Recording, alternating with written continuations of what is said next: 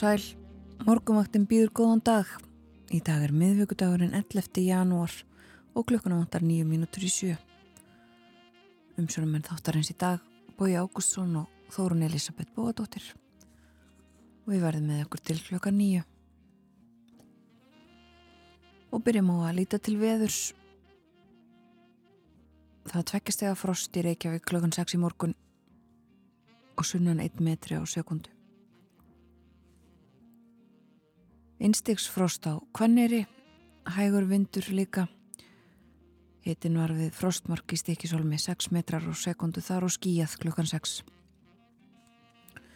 Sumleiðis við frostmark á Patricksfyrði, þar voru norðustan 9 metrar á sekundu og 11 metrar á sekundu í Bólungavík, innstigsfrost þar. Hitti við frostmark og snjókoma í litlu ávík. Einstigs hitti á Holmavík klukkan 6 í morgun og hægur vindur. Einstigs hitti á Blöndósi 10 metrar á sekundu þar hittin við frostmark á Söðunisvita einstigs hitti allskíjað og norðvestan 2 á Akureyri. Einstigs frost á Húsavík hægur vindur og hittin við frostmark á Reyvarhöfn 5 metrar á sekundu þar Hittin sömulegis við frostmarka á skjaldþingstöðum og á eigilstöðum þar var lítilsáttar slitta og norðan 10 metrar á sekundu klukkan 6 í morgun. Þryggjastega hitti á höfni Hortnafyrði og fjórastega hitti á Kvískerjum. Einstigs hitti og logna á Kirkjubæðaklustri klukkan 6. Í vestmannegjum var tveggjastega hitti á Stórhefða 3 metrar á sekundu, norðvestanátt. 11 metrar á sekundu í Árnesi og hiti við frostmark þar. Og hita tölunar á hálendinu 4 og 5 stega frost.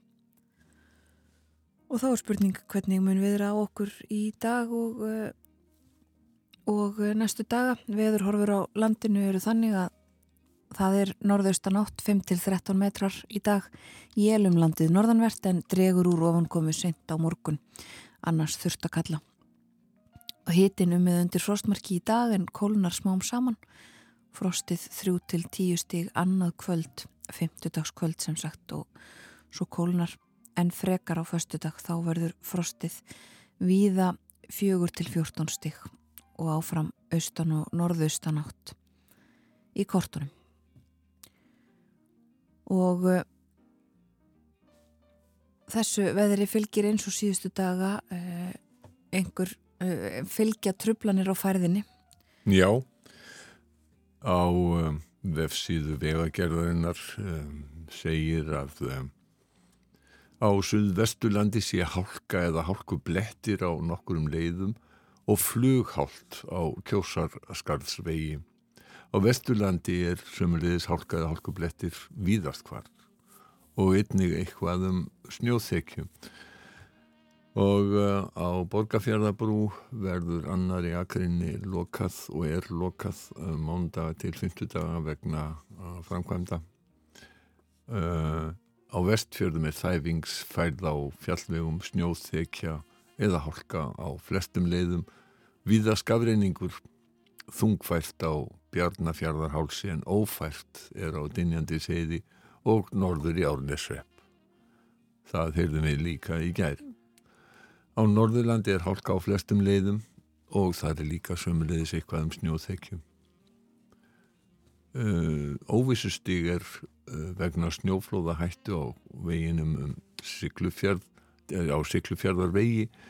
Víkusgarði er lokað og þó er komið nýtt þar frá því við hefur fyrir vikunni að það er stemt að opnun dag og því sama gildir um veginn um dalsminni sem er ófær en það er stemt að opnun í dag.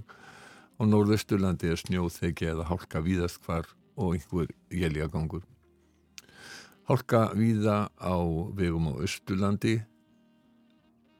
Hreindir hafa sérst, þetta saðum við líka í gær, við veg frá djúpavogi að höfn sem og á Fagradal á Suðausturlandi er hálka hálkublettir á milli víkur og kvískerja en greiðfært þar fyrir austan og Suðurlandi hálka eða hálkublettir á flestum leiðum og þetta er svona hratt farið yfir ástandið á vegum Já. og auðvitaði sjálfsagt og eðlilegt að halda áfram að hvetja fólk til þess að fara varlega. Það er vetur, það er kallt Já. og það er spáð meira frosti. og það var haldt uh, í höfuborginni snemma í morgun og líklega líka uh, þörf á því að fara varlega fyrir gangandi vegfarendur og, þau sem fara öðruvísi heldurunum á bílum líka. Þetta er mannbrota veður. Já, það er líka sömuleiðis víða á eh, erfið færð á gangstjötum og eh, annarum sjónamann að sá ferðamann út á götu á hringbröðinni með eh, tösku. Uh, gerum ráð fyrir að það hafi verið ferðamaður sem hafi verið að draga tösku sína mæntanlega á leið að umferðamiðstuðinni Já. en uh, treysti sér ekki að vera upp á gangstjötinni. En uh, við förum nánar og fylgjumst vel með þessum málum auðvitað eftir því sem líður á morgunin. Að heyra eitt lag, hlustum á KK syngja á venjulegum degi og uh, svo koma morgunfréttir eftir þrjár mínútur. Að þeim loknum förum við nánar yfir þáttun í dag.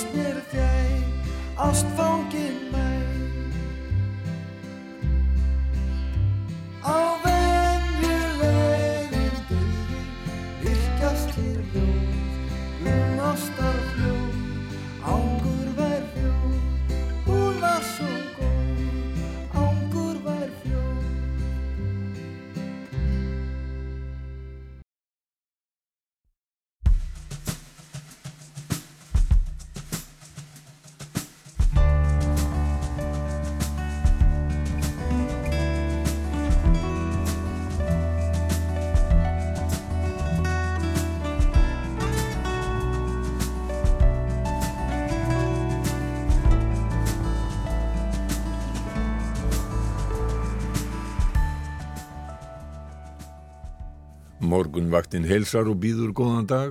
Í dag er miðvíkudagurinn 11. janúar. Tilkoma borgarlínu gæti haft ímiskonar ávinning fyrir líðhelsu okkar. Þetta er niðurstaða nýs líðhelsu mats sem gert var á kynnt á dögunum. Þar eru lagðar til alls konar leiðir til að gera almenningssamgöngurnar aðgengilegri, allt frá bókstaflegu aðgengi að byðstöðum og því að því að hægt sé að borga með fjölbreyttari hætti. Það er Hugrún Snorradóttir og Harpa Þorstinsdóttir unnu að líðhelsumatinu og verða gestur okkar klukkan halv åtta. Í síðasta mánuði lést kona á tíræðisaldri sem var titluð í fjölmiðlum síðasta prinsessa Hawaii.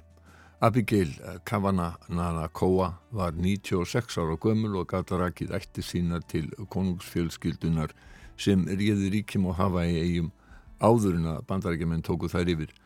Prinsessan var vel auðug og stóð í deilum um auðavi sína og síðustu æfu árunum vera íllegadóttir segir okkur frá prinsessunni og kongafólki á Hawaii að loknum morgunfréttum klukkan átta. Og kjarvalstaðir verða 50 ára á þessu ári. Dyrnar voru opnaðar formlega í mars árið 1973. Sapnið er hluti listasaps Reykjavíkur og þessum tímamótum verður fagnað með margvíslegum hætti á árinu.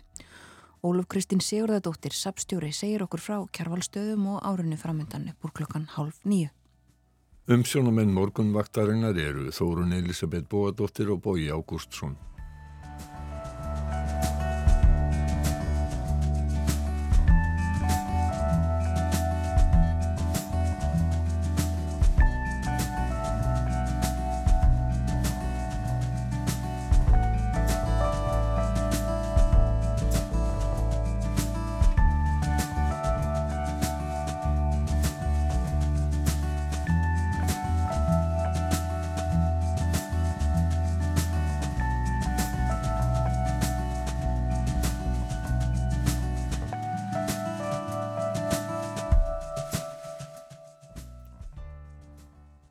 Lítum til veðurs, hugleðingar veðurfræðings hljóma svona. Það verður norðaustan átt næstu daga með jæljum fyrir norðan en bjart með köplum sunnanlands. Það dregur hægt úr ofankomu sent á morgun, hiti fer lækandi. Í dag verður hiti um frostmark en það verður þryggja til tíu stiga frost annað kvöld. Austanátt og dálitil jél á við og dreif eru í kortunum fram til laugardags. Þá snýst í norðanátt með jæljum norðanlands og verður bjart sunnan heiða. Áfram kólnandi veður, frost viða 10 til 20 stig, aðeins mildara rétt við sjóin. Eftir helgi er útlýtt fyrir norðlega átt, þurft og yfirleitt bjart sunnan til en jél fyrir norðan og austan. Og hægt minkandi frost. Svona hljómar veðurspáin, eða hugleðingar frá veðurfræðingi og það má hlaupa hrætti fyrir það að það er Vetrarfærð víðast hverjum landið, hálka eða hálkublettir á nokkrum leiðum á Suðvesturlandi, víðast hvar á Vesturlandi, eitthvað þó um snjóþekju. Það er þæfingsfærð á fjallvegum á vestfjörðum, snjóþekja eða hálka á flestum öðrum leiðum og víða skafræningur og uh, það er líka hálka á flestum leiðum á Norðurlandi, eitthvað um snjóþekju. Vegurunum Víkurskarð er lokaður og sömuleiðisvegurunum Dalsminni en stemtað opnun þessara vega í dag og eh, snjóþegi eða hálka víðast hvar á norðausturlandi, einhver ég legangur í morgunsárið. Á austurlandi hálka víða en greiðfært á ringvegi sunnan reyðafjörðar, krabi á fjörðarheiði og hálka eða hálkublettir millir víkur og kvískerja á söðausturlandi, greiðfært þar fyrir austan. Hálka eða hálkublettir á flestum leiðum á Suðurlandi. Og það má skoða þetta allt saman bæði inn á uh, vegagerðin.is og inn á þessum nýja vef umferðin.is þar sem að hægt er að sjá kort með uh, ástandi vega um alland það er líka hægt að sjá uh, fjölda bíla sem er stundum svolítið skemmtilegt. Það var 138 bílar til dæmis farið um Reykjanesbrödd síðustu 10 mínútur 1577 frá miðnetti. Þetta er eh, mjög skemmtilegur eh, vefur sem að e, þarna hefur komið upp umferðin.is. Já og þetta eru auðvitað ekki allstaðar það sem eru svona umferðar talningar í gangi en þó nokkuð víða og hægt alveg að gleyma sér í að því sé inn og skoða ólík landsvæði e, á þessu korti. En nógum það við lítum í blöðin, íslensku blöðin fyrst og svo förum við út í heim Það er eh, mynd af Solvíku önnu Jónsdóttur formanni eblingar á forsýðu morgunblæðsins í dag þar sem hún svaraði fyrirspurnum bladamanna á fundi eftir að samninganemnd eblingar sleit viðræðum við samtök atvinnulífsins í gær og fyrirsögnin ganga frá borði og stefnaða verkvalli. Og eh, umfjöllunum þetta auðvitað víða í fjölmjölum í gær eh, um stöðu mála og á forsýðu morgunblæðsins er rætt við líka uh, Ólefu Helgu Adolfsdóttur sem er rítari eblingar og ásæti í samningarnæmt uh, félagsins en hefur ekki fengið að einn sögna mæta á samningafundi. Hún er uh, mótfallin þessum aðgerðum sem að aðrir uh, í félaginu samþyktu að fara í gær. Sannsagt uh, viðræðum slitið og stemtað verkvælsaðgerðum og uh, tölverðum fyllir um þetta á fórsíðu morgunblassins og inn í blæðinu sem er leiðis. Svo er það önnur frétt. Og hún fjallar um bensinstöðvalóðir í borginni. Segir hér bensinstöðvalóðir seldar á 5,9 miljardar eftir samninga við borginna um byggingarheimildir hafa orkan og ólís selt margar lóðir í borginni. Og uh, þetta er umfyllun í viðskiptamokkanum í dag 15 bensinstöðvalóðir hafi verið seldar fyrir 5,9 miljardar króna. Uh, þá er meðtalin þóttastöðu löðurs á Granda. Og þetta eru sagðir, við, uh, verðmætir byggingareitir margir hverjir. Kort af þessu hér inn í miðju blasens inn í viðskiptamokkanum og uh, talaðum það að uh, þetta var samkominlag sem gert var milli ólíufélagana og borgarinnar það hafi ekki neitt þessara félaga viljað upprunalega fækka bensinstöðum í borginni en um, svo sé búið að brjóta ísin stöðunum hefur fækkað eða verður fækkað úr 47 í 38 Tölverðum fullunum þetta já í, í morgunblæðinu og hægt að sjá hvort að því þessar stöðvar eru víða um uh, borgina og líka sagt frá því að uh, sagt, skeljungur sem að nú heitir skél hafi selt uh, tvær tveimur fjölugum lóðir fyrir nokkra miljardar króna. Og eh, þá er það frettablaðið fórsjöðu myndin af Sævari Daniel Kóland Velu sem er öryrki og segir að heilbriðiskerfið hafi gefist upp á sér og það er rætt um mál hans við forman öryrkjabandalagsins inn í blaðinu hún segir að Ísland sé orðið byðlista land Aðalfrettin og fórsjum frettablaðsins er eh, af áformum um að reysa fimmstjörnu luxushótel við Skálafell. Þessu eru forráðamenn malasíska félagsins Berja Land Berhat sem að kiftu líka Æslandir hótelin af eh, flugfélaginu fyrir nokkrum árum. Og þetta félag stefnir á því að reysa rúmlega 200 herbergja fimmstjörnu luxushótel í landi Stardals við Skálafell á næstu missurum. Það var gerð vilja eflýsing um eh, kaup á Kýrhólslandi sem liggur þarna. Í síðustu viku aðsögn dagsbygja gesturna borgarstjóra. Nei, byrjun þessari viku afsækið og eh, undirbúningur að deili skipulagi fyrir svæðir þegar hafinn er haft eftir degi. Þetta eru stórhuga áform og þetta verður stóru vinnustæður, segir dagur og fullir þeir að um nýja viti ferðarþjónustu hér á landi verða ræða. Þetta verði afar glæsilegt hótel með alls konar afþreyingar kostum meðal annars eigi að reysa stórt baðlún á staðinu og helsars útivistar möguleikar í kring. Dagur segir sem leiðist þetta séu mikil tíðindi að sínu mati í ferðarþjónustunni með tilkomu Edition hótelsins við Östurhöfn og þessa nýja hótels við Skálafell. Þá séu Íslendingar að komast á kortið hjá betur borgandi ferðamönnum og það muni öruglega bæta hag og kjör starfsmanna í ferðarþjónustunni hér á landi. Flott skal það vera.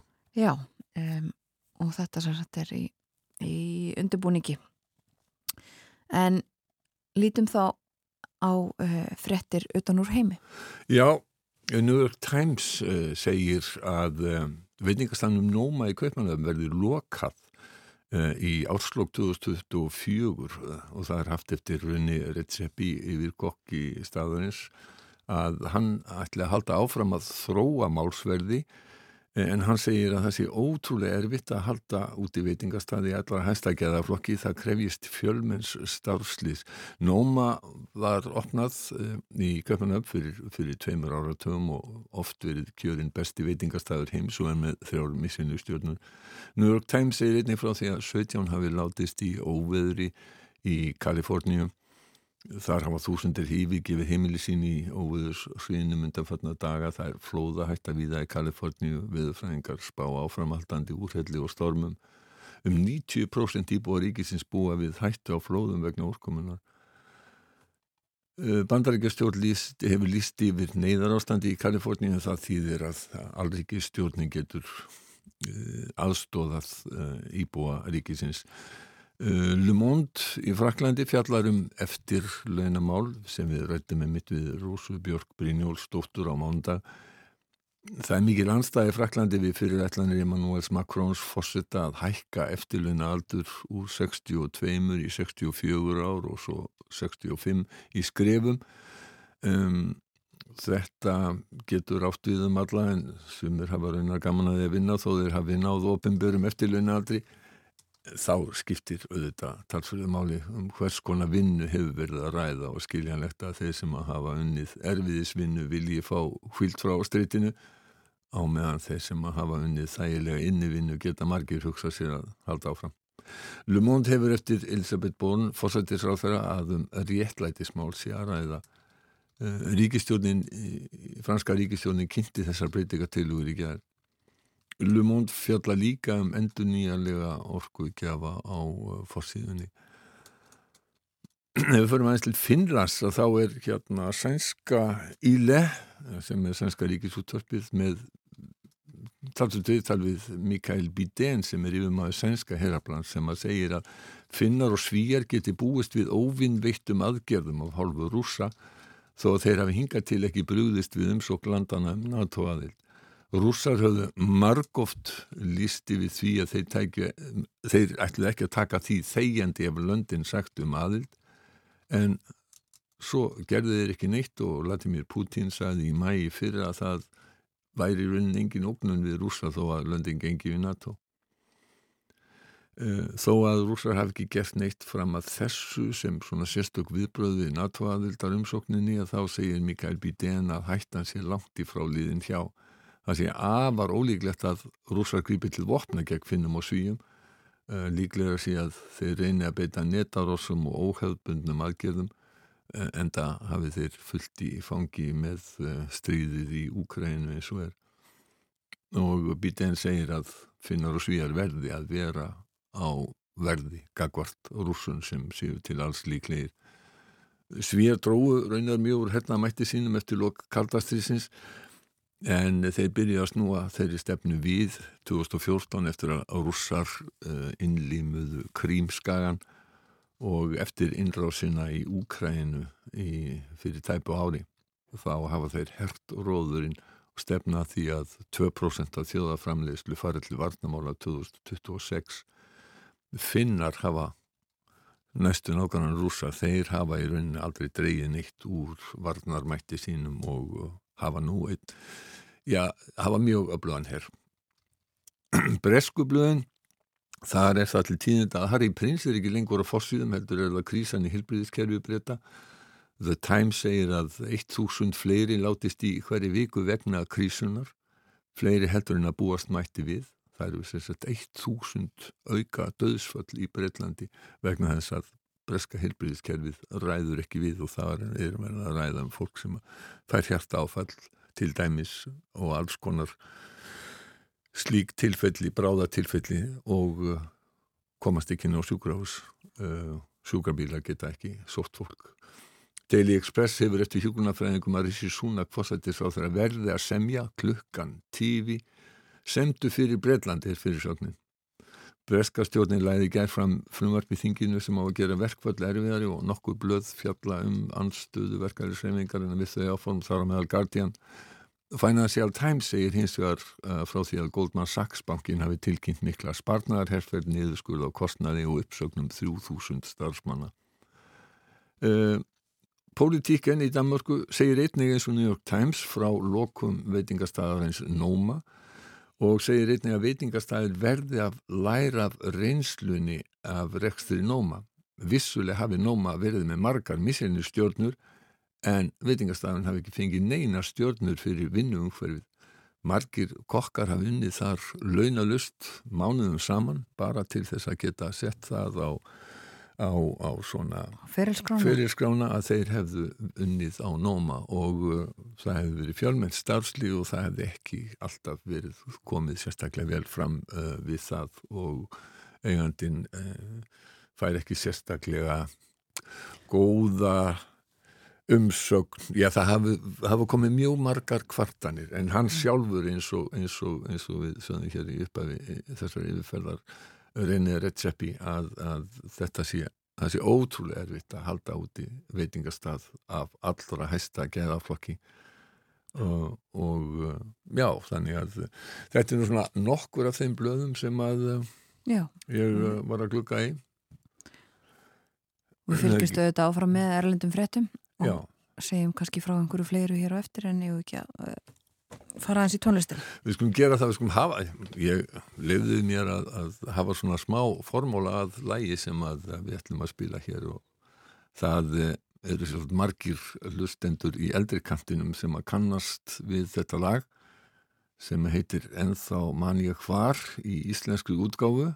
Þekktasta eða eldsta útgáfan er, er, er Hallbar Bjarkar Bjarnadóttur. Þetta kom út á, á, á plötu 1955 fleiri kann, kannast kannski viðlægið ég hef elskað þig frá okkar fyrstu kynnum. Megas gaf þetta lag út á, á plötinni Megas raula lögin sín. Goss hafa líka gefið út Kristjana Skúladóttir á stórgóðri plötu söngkonu styrsáðurna sem kom út 2012 held ég. Og Lokksöng vala þetta á plötinni Værð sem kom út í fyrra. Kannski eru einnig til fleiri útgáfur á þessu lægi þó að við þekkjum það ekki Íslendingar kynntust þessu lægi í revíunni Fornar Digðir sem var sett upp 1939 væntanlíðinu samkvæmt því sem kemur fram í þeirri góðu bók Gullöld revíunar eftir unu Margreti Jónsdóttur sem er nú félagi okkar hér á Ríkisúttarpinu þá fekk revían góðar viðtökur nema hjá gaggrinenda þjóðviljar hann skrifar um setni gerð revíunar tilvittnun Fornar digðir eru samansapnaf bröndurum um menn og málefni, flest eru það fimmurarbrandarar, í mörgum tilfellum fælst meinfísi en ennþá fleiri kynferðis og klámþankar nöytna sjúkra og svallgefina vesalinga en góðlátlega kýmni er í algjörum minnirluta. Tilvittnum líkur höfundur þessar harkalegu gaggrinni hans er ekki getið. Hann er bara mertur A í blæðinu Una Margrét skrifa svo í bókinni að það sé að var erfitt að koma auðga á þessa kynferðis og klámþanga nöytna sjúkra vesalinga í leikritinu eða söngtekstunum en í þeim efnum hafi tíðarend andinrunar mikið breyst Lægið, en þá mann í hvar er danstað uppruna, höfundurinn er Kai Norman Andersen og lægið er úr kvikmynd Milli Maria Mæ sem var feikna vinsæl, gerð 1937 hún var svo vinsæl að hún var endurgerð á sænsku árið eftir og án Eva hefur hún verið sínd í, kvikmyndahúsum hér á landi. Þessi Kai Norman Andersen var mjög þekktur lagahöfundur í, í Danmörk og samti meira en 900 lög danski tekstin eftir Móins Dam það var Loftur Guðmusson sem að snaraði á íslensku. Íslenski tekstin er nokkur trúr andanum í læginu sem að er ástarjáttning stúrku sem að elskar í fyrsta sinn. Í myndinni var það leikonan Margeríti Víbi sem söng lægið en við skulum heyra það í útgáfu Anne Linnet af plötunni Píe treð varsamt stúrka farðu varlega. Þetta er plata frá árunnu 1995 Jeg har elsket dig så længe jeg kan mindes.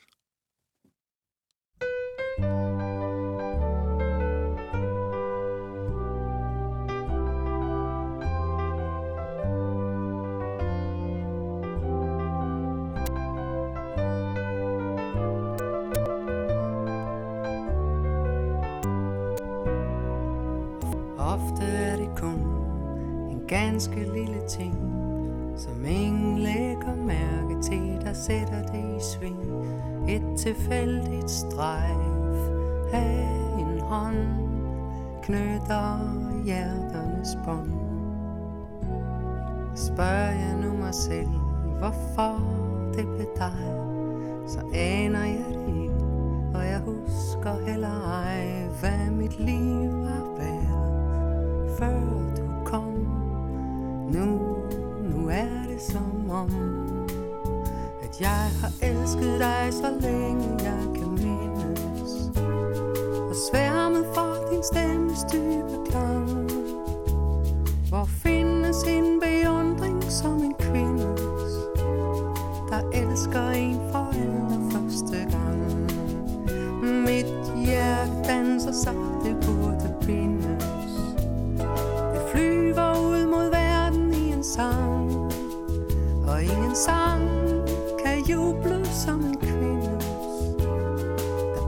Going.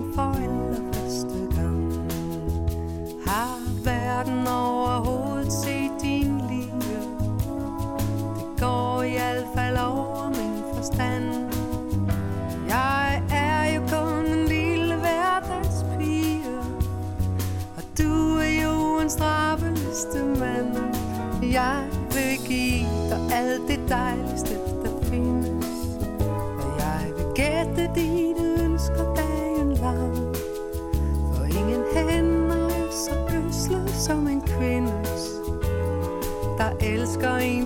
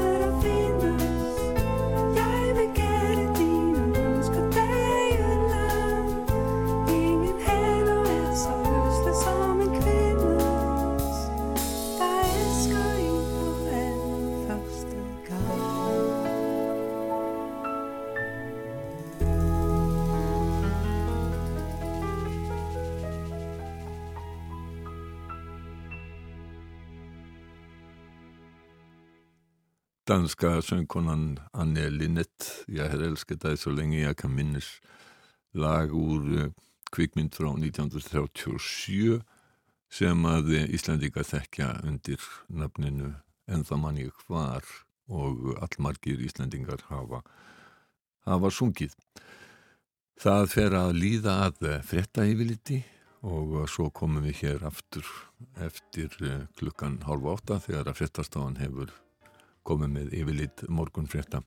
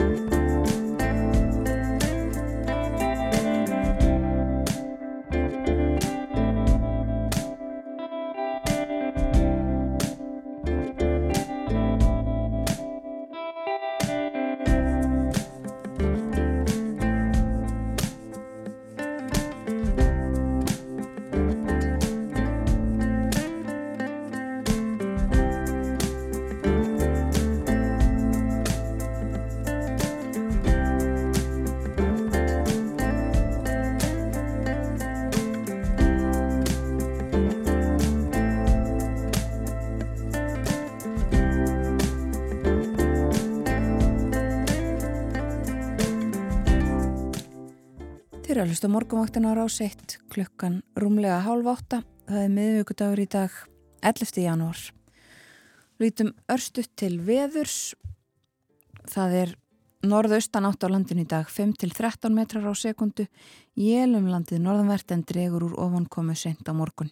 Annars þurft að kalla. Og hitin um eða undir frostmarki í dag en kólnar smám saman frostið annað kvöld 3-10 stygg og það herðir svo frekar á frostinu. Eh, það getur verið eh, orðið 10-20 stygg næstu daga en verður aðeins mildara rétt við sjóun. Það er svo útlitt fyrir hægt mingandi frost eftir helgina en eh, ekki mikil úrkoma í kortónum á svona söður hluta landsins næstu daga. Þannig að það er ekki útlitt fyrir það að þó að það hlýni að það hverfi snjór. Við ætlum að ræða hér á eftir um ímislegt til okkar kemur vera illu og dóttir eftir morgunfréttinar klukkan átta. Hún ætlar að segja okkur frá uh, kongafólki ekki þessu breska sem að nú er í fréttum víða heldur uh, kongafólki á Hawaii.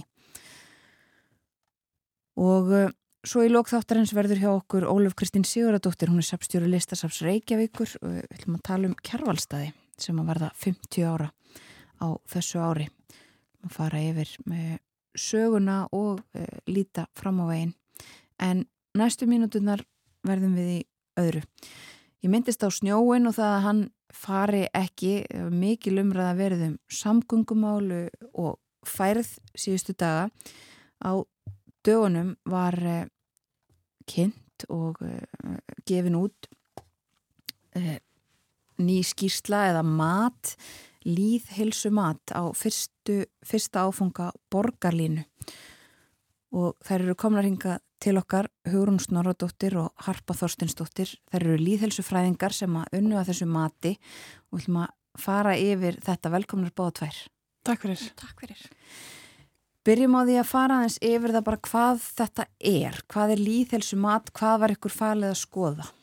Já, sko, líðhelsu mat er hérna mjög gott tól til þess að hérna meta áhrif stefna og aðgerða hérna stjórnvalda á helsu og líðan fólks og hérna hvernig þessi áhrif neikvæða jákvæð geta haft á inn í á fólk. og þetta er svona heildræn nálguna hilsu þannig að við erum ekki bara að horfa veist, á hérna, er ekki bara að horfa á líkamlega andlega hilsu, það er líka verið að taka einn svona félagslega, efnis, efnaðslega og umhverfislega þætti. Þannig að, þannig að þetta horfur svolítið heildstætt á.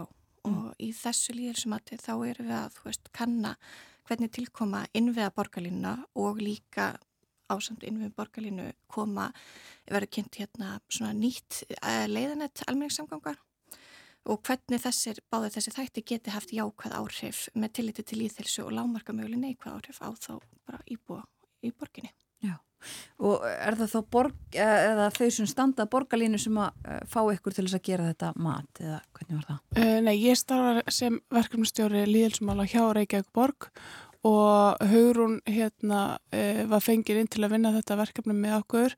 Uh, við fengum styrk frá líðilsusjóði og þetta er unni, unni í samstarfi betri samgöngur um, hérna, þannig að þetta er svona nokkur aðlar sem koma að þessu en þetta eru svona þeir helstu, þetta eru að frumkvæði borgarinnar Já. sem við förum í þetta og þess vegna er í raun einblínt á þau svæði sem eru innan Reykjavíkur í þessu mati uh, þetta er fyrsta lota en við tökum ekki öldu brúnaði fósvæðin með og ekki inn í kásnisið. Þannig að það, það er kannski eitthvað sem kemur svo í framhaldinu vonandi að hann er sveita fylg og, og hérna hörnu núna starfandi fyrir ennbætti landlæknis og, og, og vonandi er svona komið núna eitthvað svona þráðu til þess að þetta er náttúrulega bara stæsta uh, samgöngu aðgerð sem að við höfum stemt að uh, nokkuð tíman. Í Íslandsögunni bara í Íslasögunni og, og, og, og ég trúi því að við erum alltaf að, við erum á leiðinni og þetta mm. er bara reysa stort og við þurfum bara að fara að taka stærri skref og þetta er hérna bara auðvitað svona eina líkil fórsöndur fyrir hverja erum við að gera þetta og hvaða ávinningur uh, fælst í þessu fyrir samfélagið. Já. Er einhver sérstök nýðustæða sem að þið viljið uh, draga fram og uh, deila með hlustendum? Já, vá, hérna, það er, um, það er kannski svona helstu niðurstöðunar í matinu eru þessar ráðleggingar sem við setjum fram að því að það þarf að huga ymsum þáttum sem geta hérna, kannski, þú veist, vera skortni niður eða glemst í hönnunarferðli eða eitthvað neginn, þú veist, maður stútaf þannig að, þannig að við erum hérna, já, með þessum ráleggingum þá reyna að hérna benda á að ef að það er farið eftir þeim þá er ná, nær hérna verður náð til bara sem stærstan hóps af fólki, já. þannig að við könnum um mitt breiðan hóp af hérna bara samfélaginu. Mm -hmm. Ég held einhvern veginn að einmitt í þessu það er svo mikilvægt að við erum að horfa á bara hinn almenna íbúa mm -hmm. en svo erum við líka að taka til minnilutahópa og, og þar eru að horfa á bara sérstaklega eins og hérna gefur skilja aðgengismál mm -hmm. sem er bara greiðlega stór partur af þessu og þá erum við að tala um uh, bæði aðgengismál til að komast uh, að borgarlínustöðum uh, því það eru bara sveitafélagin risastór hérna hluti af við erum að tala um gæld uh, hvernig maður borgar uh, og, og bara allt hérna kerfið í kringu það. Uh, við erum að tala líka bara um svona praktiska hönnun á vögnunum, bara mm. hérna að þú, að þú hérna eigi greiða leið að borgarlinu stöð inn í vagnuna, þetta sé á jafnsléttu, þú þurfur ekki að mæta nefnum hindrunum, sætin séu nógu breið, það sé hægt að fara með önnur faratæki, hjólastóla, hjól, badnavagna, að komast mögulega fleiri heldur en tvö tæki hérna inn í hérna vagnana eins og, eins og er í dag mm. þannig að er svona að, þannig að við séum að hámarka möguleika allra til þess að, að nýta sér þessar almenna samgangur að því að, að því það er náttúrulega bara grundvöldurinn fyrir því að við sem að fara í þetta áfram með þetta verkefni að þetta sé aðgengilegt fyrir, fyrir alla. Já. Það hefur verið gaggrínt dálítið, ég veit ekki hvort að þið hafið eitthvað skoðað það sérstaklega eða þið erum einhverja ráleggingar í, í sambandi við það, verið gaggrínt uh, appið sem að uh, nota til þess að uh, borga í, í strætó eins og er núna. Skoðuðu það eitthvað sérstaklega? Hafið einhverja skoðanir á því? Já, við vorum náttúrulega með svona rínihópa Uh, með það sem við, við tölum við, kannski sérstaklega þá hópa sem hafa einmitt verið að gaggrina þetta app og höfum mm. getur kannski sagt okkur aðeins frá því svona, svona hva, hver var rauðið þráðurinn þar Já, hérna var sérstaklega, hérna, já, við vorum með sérstaklega, við fengum svona vinnuhópa sérfræðingum sem eru, veist, verkfræðingar, hannuðir og hérna félagsfræðingar og fleiri til, en svo líka út frá þeirri vinni sem kom og samtali sem átti sér stað þar, þá var bara ljóst að það þurfti að tala við fólki sjálft, þú veist, þessa minniluta hópa og þá hérna söfnum við saman í rínu hóp fyrir hérna eldriborgara, svo fyrir íbúa erlendum uppruna og uh, fallafólk og það var einmitt mjög stert að bara eiga stöð samtöl og ræða þetta þar því þar kom til dæmis fram að þú veist að er mjög mikilvægt að hafa mismjöndi greiðslilegir mm. bæði hafa þú veist snjálfórið og líka möguleika á að borga í gegnum miðavélið með áfællíkakorti fyrir þá hópa sem er ekki tæknavettir mm. og hérna líka að samanskapið þá koma fram að hérna, mjög mikilvægt að hafa frítt og öflugt net bæði vögnum og á hérna, byggstöðunum að því það er ekkert allir hópar sem eiga alltaf hérna, net í símanu sinu fjórugi og það er alveg, er fyrst vandamál núna með ákveðna hópa þeir hafa verið að lendi í vandamálu með þetta. Þannig að bara með að hugsa um þetta þá ertu einhvern veginn að taka veist, þá er bara vikar aðgengi fyrir alla og það bara svona algjörlega trygg, tryggður félagslegu jöfnur af því þetta er, fólk er mismöndi vel statt í tækninni. Já, og einmitt að því við erum að ræða þetta, nákvæmlega þetta, þá takið þið líka fram, sko, einmitt, það hefur verið svolítið umræðum þetta forrið, en svo er það enþá flóknara fyrir suma hópa, þið takið sérstaklega fram einmitt, sko, ferlið fyrir fatlað fólk, það þarf þá að fara einhvern veginn úr því að vera að kaupa sér áskrift yfir í að einhvern veginn sanna að, að það sé það sé sannlega að falla fólk og er rétt á þessum áskriftum og þetta er alls konar svona flækjustík sem kannski fólk gerir sér ekkert endilega grein fyrir. Já, þetta er þá umræðanum með mitt hérna, rafrænu skilrikin sem Já. að falla fólk hefur mitt verið að ákveðinu hópar þar hafa verið að gaggrýna að því það er ekkert allir með það. En ákveð, þetta er óþára flækjustík þar að mm. því þau þurfa að fara inn á hérna, aðra vefsíð í þegar þau er að, að kaupa sér áskrift og bara svona núansar Veist, þetta, er, þetta telur allt, Já. þannig að bara með einmitt. Sko, niðurstaða er líka hjá okkur allavega það sem hefur verið dreyið fram hér að það bara bendir til þess að það getur orðið margskonar jákvæð áhrif af borgarlínu. En einmitt, til þess að svo verði þá þarf fólk auðvitað að nota hana, ekki rétt?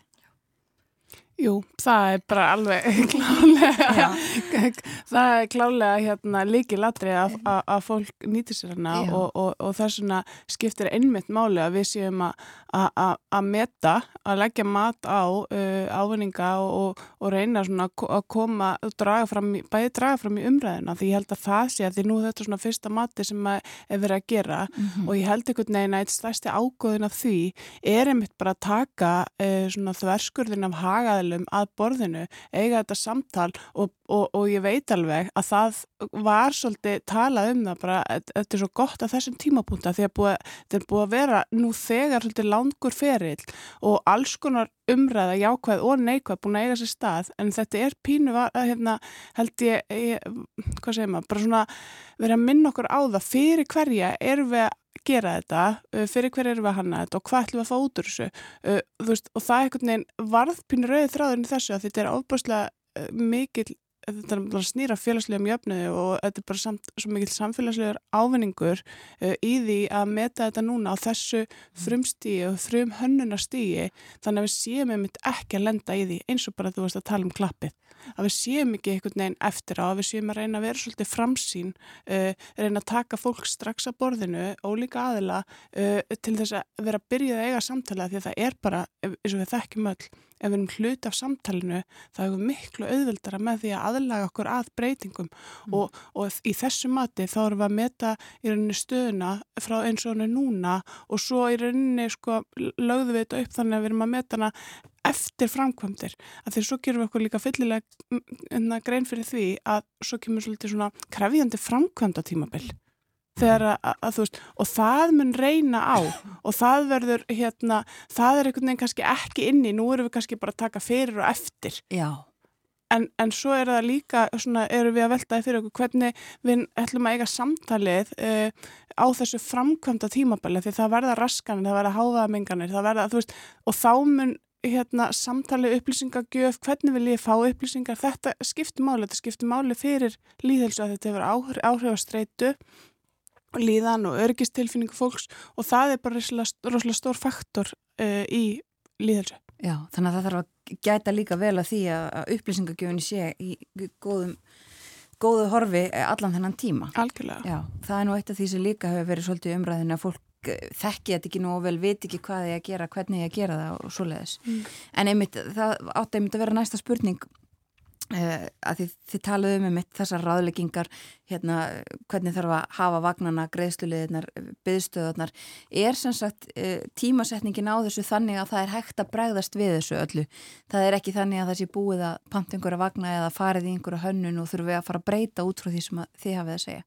Nei, þetta er bara akkurat, einmitt, bara góður tímapunktu fyrir akkurat þetta því þetta er, nú er forvinnan í gangi, það er hönnunavinn í gangi og við erum búin að kynna þetta innan hús hjá mm. hérna verkefnastöðu borgarlínu og þeir hönnur er mjög þakkláttur að fá þetta hérna sjónarhort líka, mm. þeir eru mikið bara að spá í innviðina og, og gödunar sjálfar en það er gott að suma þessu út einmitt og sjá heldamindina aftur þegar þú er búin að einblýna og hérna eitthvað ákveð, þannig að þetta bara já, þetta er bara góðu tímapunktu fyrir þetta ákveð eins og Harpa var að segja til þess að koma í vekk fyrir að það búa ákveð eitthvað og þá er ákveðin hópur ekki, getur ekki nýtt sér hérna þjónustuna eða slikt. Sem leikmaður og þá svona fyrsta sem, eða eitt af því sem maður hugsa þegar að þegar að tala um þetta og, og kynna þetta, er ekki vinna sem að hefði þurft að fara fram áður en að ákvörðinni tekin um uh, borgarlinuna Já, svo er það náttúrulega eitt að, að viðsvegar uh, er það gert. Að það, svona mött eru framkvæmt áður en að það tekina ákvörðunum að fara af stað í porkalínu og við höfum um eitt fengið fyrirspyrnir um hvort það væri, væri ekki hægt að gera svona líðsumönd á núverandi samgöngumátum frá strætukerfunu sem er að sjálfsögja hægt. Um, sko líðelsumönd er í þróun og það er ekki lögbundið eins og umhverfismat eða, eða, eða hérna, þess áttar. En þetta er samt orðið svona sko það, það er komið inn á þetta þannig samfélagslega þátti í umhverfismati en er einhvern veginn ekki nægilega vel hérna, hérna, tekið á því. Þannig að þetta kemur svona og það, og það er einhvern veginn alltaf í umræðina að það, að það eiga að löglega það að það eigi að þurfa framkvæma, framkvæma líðilsumat eins bara áður en þú færðir rauninni kannski hérna, leiði fyrir stórum framkvæmdum að þú þarf að meta áhrif uh, íbúa í kring. Um, en það, það er ekki orðið þannig að og oft er það þannig að, að til þess að hérna, einhver lög að lagabreitingar hérna, verði og sérstaklega í, í þá samfélagsins eigi sér stað að það þarf þetta að vera svona bottom up og þá eru það oft uh, sveitafélögin eða, eða, eða minni stopnarnir sem að hefja vinnuna og, og, og kannski þurfa, við þurfum kannski svolítið að sína hvað það skiptir miklu máli og hva, hvað margir aðeins geta nýtt sér svona vinnu. Mm. Getum við þá spurt, hver eru svo næstu skrif? Já, Já. algjörlega.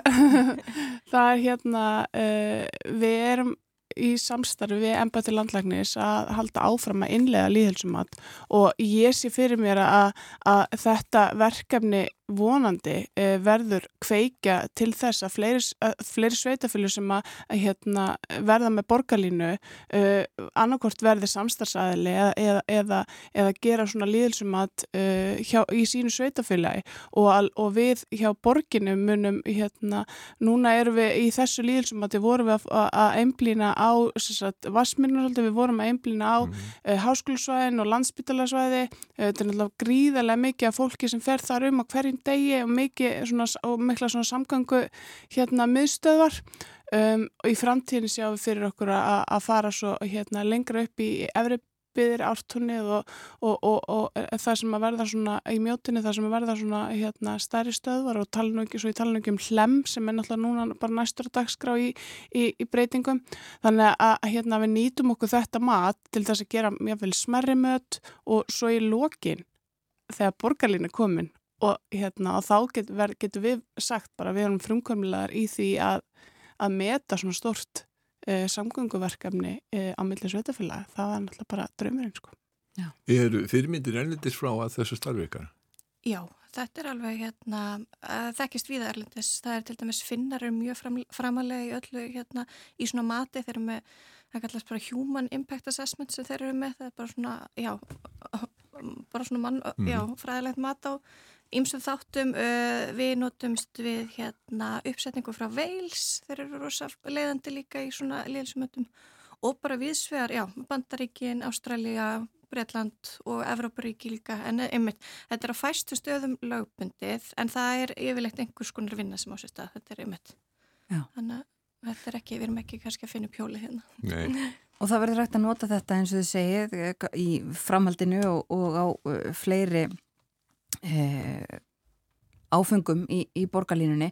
Mér langar aðeins áður en við sleppum ykkur eh, hérðan burt, harpa og hugrún, að eh, fara örlítið ofan í þessa eh, ólíku einmitt hópa sem þið skoðuðuð og eh, þið skoðuðuð nefnilega eins og þú, þú nefndir aðan hugrún og sko, töluðu við eh, eldri borgara, fatlað fólk, fólk af erlendum uppruna og svo líka þetta sem þú varst að nefna harpa þess að stóru vinnustæði í meðborginni eða svona þar um e, háskóla, háskólana tvo sem þar eru og, og landsbytalan um, sko er að alhæfa er það það sama sem að allt þetta fólk mun sami ávinningurinn eða sömu hindranirnar eða er það mjög ólíkt og svona breytt byll og kannski ekki alveg hægt að alhæfa alveg fyrir alla eins og segja með vinnustæðin þetta er alltaf mismunit og þetta er kannski sérstaklega með þessa vinnustæði þá er þetta þú veist, þeir eru miðsfæðis mm -hmm. og þeir eru með hérna eru um, eins og hás, háskóli Íslands og landsbytalinn alltaf minka bílastæði, eða þú veist bílastæði frambóði þarna mm -hmm. þannig og þess vegna þurfa er ólíka leggja á hérna gældskildu einhvern tíman, þannig að þess vegna á móti þurfa er þá einhver að græna kvata og þá þarf að vera gott frambóð af almenningssamgöngum Þannig að hérna, kannski erfiðar að yfirfæra það á vinnustadi í ártunnu eða slíkt sko, en hérna, en þetta eru samt með fyrirmyndir sem að þú veist hvernig þau, þar leiðir sem þessi staðir eru að fara að þessu. Þú veist, þeir eru hérna eins og landsbytarnir mjög leiðandi í hérna uh, vistvænu samgöngum hjá starfsfólki og hvetja til alls konar, eru með góða samgöngu, samninga, eru með hérna uh, verkefni, þessar hérna eru með áskort að fá áskort ákvæmnu kjörum frá strætó og hérna það sást alveg greinlega aukning á innstíum og útstíum úr strætó við ringbrut eftir að þetta var komið á. Og hérna og einmitt hafa verið að þú veist hérna hvetja til hérna að fólk noti hjól og eru með hjól, læstar uppbyttaði hjólageimslu sem finnst ekki all, allstar annar staðar og Háskóli Ísland sem er planin svo fyrir hérna stúdenda að vera með svona upphassa sem er þá svona samgöngukort mm -hmm. á hérna góðum kjörum til þess að mæta á móti þessu. Mm. Þannig að þetta eru svona kvatar þar til þess, til þess að fá fólk í þetta Já. en hinnir hópanir eru kannski þeir sem eru nú mm. þegar uh, notendur. Já og ég held líka sko að, nú erum við náttúrulega að tala um bæði ólíka hópa og svo erum við annars vegar og svo erum við hins vegar að tala um ólíka stopnarnir mm. og þá skiptir bara staðsetning líka greiðlega miklu máli bara eins og háskólu Reykjavík en er á svona innilöku svæði þannig fyrir hérna þau er þetta bara greiðlega mikið öryggismál bara eitthvað kemur upp á ef að þú veist það þarf að rýma og þess að þá er þau svona í, í kannski verstu stöðunni gagvart því. Og þá, þá er borgarlinum bara svona örgisatri að bara verða færri bílar sem er að fara hann um Uh, og, uh, hérna, og svo erum við að tala um ólíka hópa, þú veist, við erum að tala um að það er ákveðin hópa sem eru háðir almenningssamgöngum en geta jáfnvel ekki nýtt sér þar eins og staðin í dag. Þannig þá eru þetta náttúrulega bara gríðarlegar ávinningur. Svo erum við með mitt krakka í háskólanum sem eru að kannski ekki búin að kaupa sér bíl. Og ef við náum til þeirra að þá eru við einhvern veginn að því að sko börn og ungmenni er í rauninni svo hópur sem við eigum að vera að fókusa á því að það er framtíðar notandin. Við erum að auðvitað að horfa á hérna, samfélagi og er í dag en að samskapið þú veist þá erum við alltaf að við erum alltaf að innleiða borgarlinu við, það er, það er ekki þannig að við séum að fara að, að hérna, þetta sé að fara að vera gríðalegur ávinningur fyrir alla frá fyrsta degi heldur, e, e, auðvitað verðum við að, að hugsa svolítið að þú veist ef við erum með þetta í, í, gott, í kringum kerfi virka vel í kringum börnin og ungmennin að þá er þau líkleri til að vera framtíðar nótendur og að, vera með hérna, þetta flæði og, og vera svolítið hérna, þetta í aktífur í kringum háskólusvæðin, mm. ég held að það verði eh, sé gríðalegur ávinningu bara í því líka. Mm. Akkurat, þetta þarf að hugsa til langstíma Já. Já, og að því líka eins og með bönn og ungmenn er mjög áhugavert að samkvæmt rannsóknum þá er þetta svona ómótaðasti líka hópurinn í samgöngum þannig að þú veist ef að við þeim tekur gott almenni samgöngumkerfi þá kannski er bílinn ekkert augljósa valið við 17 uh, ára aldur ekki eins og í dag. Já, veist, þannig og þá er líka kannski að kemja þess inn á það að þá er það líka náttúrulega sveitafjölinn sem þau eru þá svolítið að hugsa þetta áfram að þú veist, þú ert með stórar hérna stoppustöðar ertu með búðu nálegt, ertu með þjónustu nálegt svo að þú sért ekki að, að því það er nefnilega líka, þú veist, fólki er ekki að fara frá vinnu eða skóla heim, bara þetta er ekki A til B, sérstaklega ekki hjá konum, þetta er alveg A, B, C, D stundum á ah. leiðinni heim eftir vinnu, þannig að það að þetta sé hugsa svolítið og borga skipulægið og, og sé þá, emmi, taki þetta inn í myndina fólk, þú veist, geti gengið og þetta er svolítið það sem að 15 myndna hverfi sem að Reykjavík borg hefur verið að hérna fókus á snýstum Akkurat Þannig að við erum að tala um svona heildaræna hugsun. Já, það þarf svolítið sem er veist. Kæra þakki fyrir að koma til okkar á morgunvaktina Hugrún Snoradóttir og Harpa Þorstinsdóttir líðhelsufræðingar og segja okkur frá þessu líðhelsumati á borgarlínunni. Takk, Takk fyrir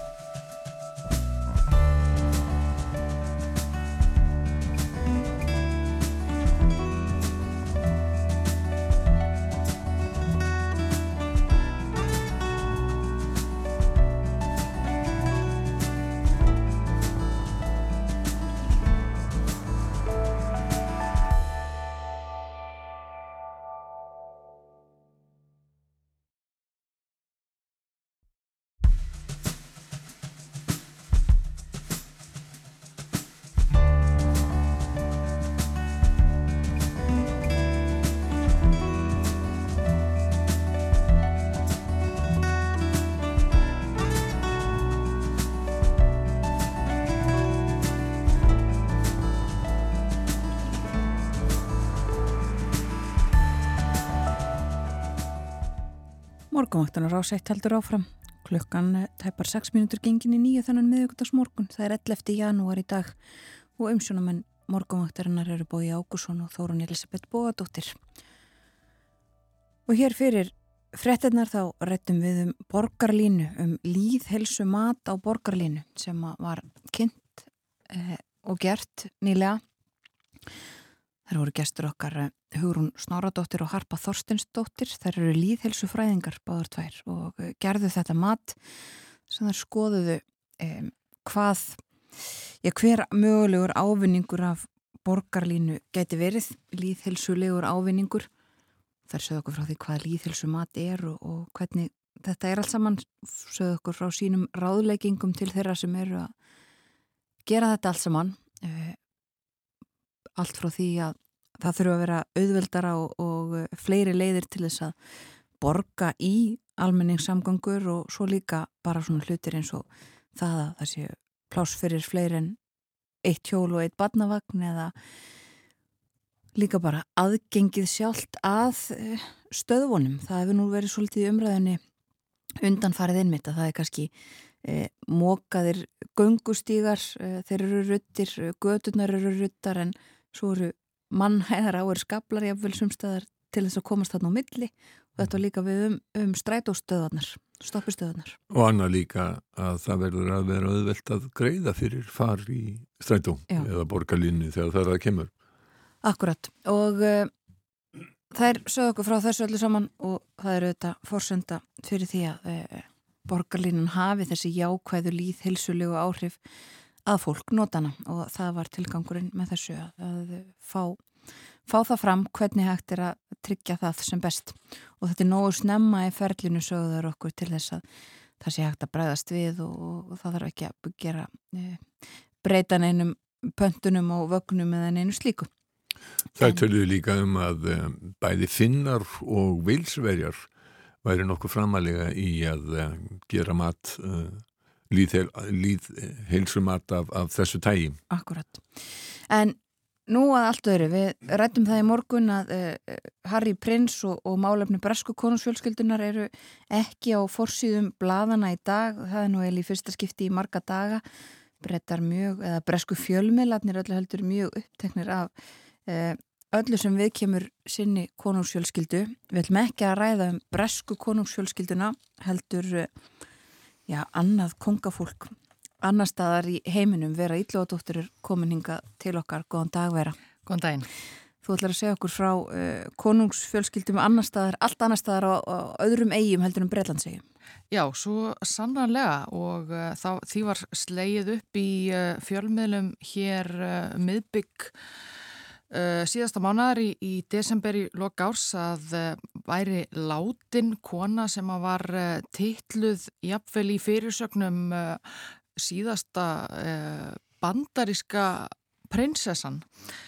Það er nú ekki mikið um kongafólk í bandaríkunum, allavega ekki, ekki, ekki innfætt kongafólk En uh, þessi ágæta manneskja Abigail Kavanana Kóa uh, var sem sé, uh, já, bar titilinn allavega óformlega prinsessa á Hawaii eigum sem að Eh, þó að það sé kannski ekki svona kannski eh, alveg eh, nákvæmt þá var hún með ættar tengsl inn í það sem að einu sinni var konungsfjölskylda hafa í eiga nokkuð sem að er orðið ansi sjálfgeft á eigunum í, í, í dag. Já En uh, hún sem sé uh, Abigail Kavanana-Koa lést uh, núna í desember 96 ára gömul og gatt rakið ættir sínar til þeirra konungsfjölskyldu sem að réði ríkjum og hafa eigum áður en bandaríkjaman tóku eigurnar yfir og gerðu þær að lokum að einu, að einu ríki bandaríkjana. Það er kannski rétt að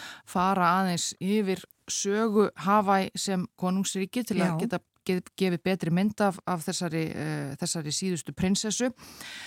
Uh, þessi fjarlægi uh, eigaklassi út í Kirrahafið auðvitað eitt af ríkjum bandaríkjana í, í dag en voru um hríð sjálfstætt konungsríki.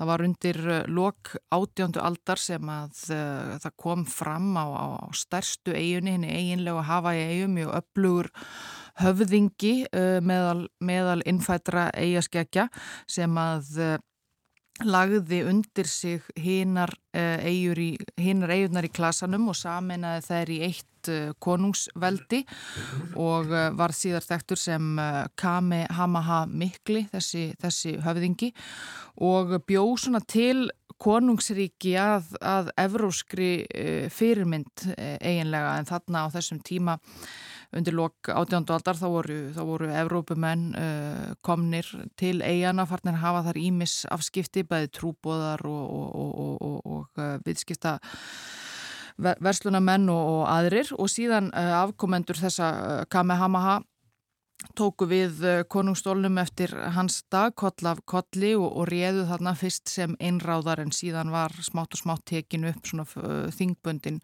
konungstjórn og eh, síðan eh, á síðan á 19. öld þá komst þarna til valda önnur, önnur skild konungsætt en þarna var sem sé byggt upp svona konungs, eh, konungsríki og, og, bygg, og byggðarhallir og, og þetta var allt saman svona nokkuð, nokkuð evrost að, að fyrirmynd. Já og þetta hafæska konungsríki var, var almennt viðurkent af, af öðrum löndum sem, sem sjálfstætt konungsríki þarna út í, út í hafi.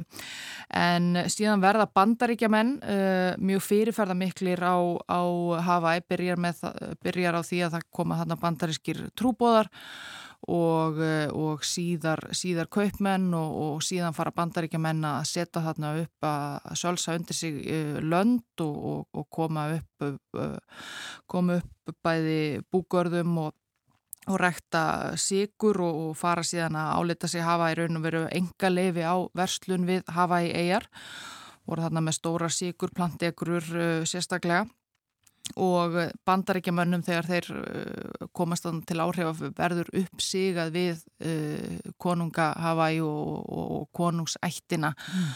kröfðust meiri áhrifa sjálfur þessir uh, landeigendur og þetta endar með því að árið 1893 þá gerir hópur uh, bandarískra áhrifamanna, businessmanna valdarán og þeir steipa af stóli þáverandi drottningu Hawaii, Lili Ukalani og uh, stopna líðveldið Hawaii sem að síðan 1897 gengur til viðræðina við bandaríkin um að, um að renna inn í bandaríkin sem að, sem að gekk eftir árið 1900 og hafa er fyrst uh, verður, er, er fyrst um sinn það sem að bandaríkjumenn kalla territory uh, en verður síðan, verður síðan fullgilt uh, ríki í bandaríkunum. Já. Og þá er þessi síðasta drottning, uh, Lili U. Kalani, hún er svift krúnunni og ættingjar hennar og, og, og afkomendur sömuleiði sviftir sínum, sínum aðals tillum og, og krúnan missir sínar umfangsmiklu landaregnir á eigunum en drottningin einhverja síður bjó áfram á Hawaii og, og nöyt áfram uh, vinsælda meðal hluta uh, hawaísku þjóðarinnar konungs uh, sinna, kannski sérstaklega þeirra sem að ráka ættir sínar til, til já, frumbyggja eigana og, og, og hafði það svona, svona ágætt út æfina, hún lést 1917 og sem sé ættingar hennar og, og afkomendur hafaðski aðallin helt ennþá áfram, uh, nöyt áfram veksemdar og virðingar í, í hafaðsku uh, samfélagi og sérstaklega meðal, meðal frumbyggja og það er enn en svo skoðun uh, hjá sumum á Hawaii að hafna hafna bandarískum yfirráðum og, og jafnvel einhverju sem að vilja taka uh, aftur upp þetta, þetta gamla konungsveldi á einum. Sjálf, sjálfstæðisinnar? Já, það, eru, það er sjálfstæðisreyfing á, á, á Hawaii og ég held að það, þar séu nú ekki allir, uh, allir konungsinnar en að, hafa ekki aðallin er, er sem sé hefur, hefur, hefur lifað og, og, og í, þeir kalla jafnan aðalsfólk sitt í, í daglegu tali prinsa og prinsessur, uh, jafnvel þó að svona kannski ættar tengslinn og tengslinn við, við þessa síðustu drottningu og krúnuna hafi ekki verið, eh, séu ekki eins bein og, og, og, og það þarf til þess að kalla einhvern prins og prinsessu hjá vestrænum konungsfjölskyldum. Nei, já þetta, uh, þessi mm, síðasta drottning átti hún börn? Nei, Nei. hún var, hún var uh, ballus en, uh, en þarna eru en ímsir ættingar hennar eru hafa, hafa verið til og, mm. og sumir hafa verið fyrirferðarmiklir í hafaðsku þjóðlífi á, á voru sérstaklega á 20. stöld og, og má meðal annars geta þessa að einn hafaðskur uh, prins uh, svo kallaður var uh, var uh, þingmaður fyrir, fyrir Hawaii og Bandaríkja þingi og, og eini, eini, eini prinsinn sem að verið hefur bandarískur þingmaður uh, er sagt. Og síðan er það þessi, þessi, þessi prinsessa sem að, sem að lést núna í, í, desember, Abigail Kinoiki Kakao líke Kavanana Koa, heitir hún, hétt hún fullu nafni en uh, kölluð uh, annarkort Abigail eða, eða Kekao í, í daglögu tali og uh, lést á heimili sínu á Honolulu, hún var fætt 1923 uh, þannig að hún var 96 ára gömul. Og uh, Móður afi hennar var eh, David Kavananakoa eh, Prins sem að lest 1908 sem að var sýstur sonur uh, drottningar Kala Káa konung sem var næst síðasti uh, konungur Hawaii og ríkti til 1891 bróðir síðustu drottningarinnar. Já. Þannig að uh, Þannig að hennar tengsl við krúnuna er í raun og veru svona nokkuð, nokkuð bein og, og, og, uh, skiljanleg. Og þessi Abigail uh, okkar, hún uh, var nefnd eftir móður ömmu sinni, Abigail uh, prinsessu sem var af aðalsættum í, í, í móðurættina. En uh, fadir hennar var aðtapnamaður mikill og, landegandi Íri að nafni James Campbell sem að flutti til Hawaii og gerðist þar einn stærsti, einn mesti eh, landegandi á, á, á eigunum og uh, svo prinsessa uh, sem að, sem að uh, gamla konan var nefnd eftir var, var sömu leiðis mjög öflugur leiðtói hafæskra frumbyggja í hafæskum stjórnmálum á millistýris árunum. Já. Hvernig lífi livði síðasta prinsessa Hawaii sem að einmitt var ekki, hafði ekki þennan formlega titil. Eh. Nei, hún einmitt livði uh, lífi sem að minnir um margt á kannski evróst uh, kongafólk Já. og það svona kannski gerði hana sérstaklega gaf henni gott tilkall til þessa titils að vera prinsessa af því að hún var gífulega Uh, auðug, ég held að sé nú uh, mismiklir peningar hjá þessum afkomendum uh, hafæsku konungsfjölskyldunar. En í krafti þess að hún er komin af þessum írska landeiganda James Campbell sem að landaregnir hans voru, voru að hluta til seldar og, og, og leistar upp og, og hún erfði ásamt eh, öðrum gífurleg eh, auðæfi og eh, bjófið miklar og lifði við miklar veljestingar alla sína tíð og hún gekk í fína heimavistaskóla bæði í, Kaliforníu og, og, og, Erlendis frá blöytu barsbeini og svona stundaði, stundaði sömulegis áhuga mál sem að maður kannski tengir, maður getur tengt við við eh, aðals fólk, hún ræktaði veðhlaupa hesta og, mm -hmm. og, og átti, átti búgarða og ímislegt annað slíkt, þannig að hún svona, hún svona já, var, var nokkuð konungleg í, í, í, háttum og gerði sumleðis mikið uh, úr því að, að, að rækta tengsl sín við þessa, við þessa gömlu sögu.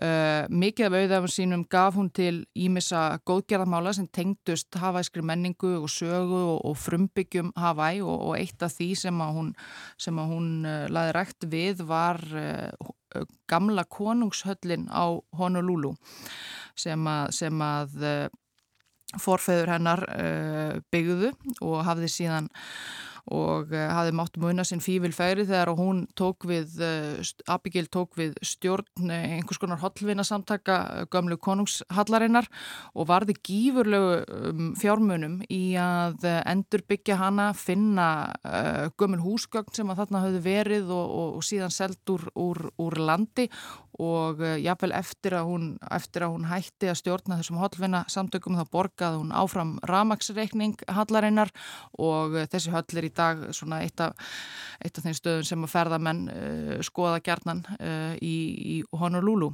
Já. Og hún hafði, hafði greinilega uh, já, gaman af þessu af því, að, af því að það var umdelt einhver tíman þegar, að, þegar að tímaritt frá bandaríska meginlandinu koma að skrifa um, um prinsessuna grein þá, þá settist hún í hásæti þarna í, í, í höllinni sem var uh, ansi, ansi gamalt og, og, og viðkvæmt og urðu vist einhverja skemdir á hásætinu þegar hún tilti sér þar fyrir, fyrir ljósmyndara en vildi svona greinilega ítrekka, ítrekka tilkall sitt ef svo maður orði koma komast til, til hafæsku krúnunar.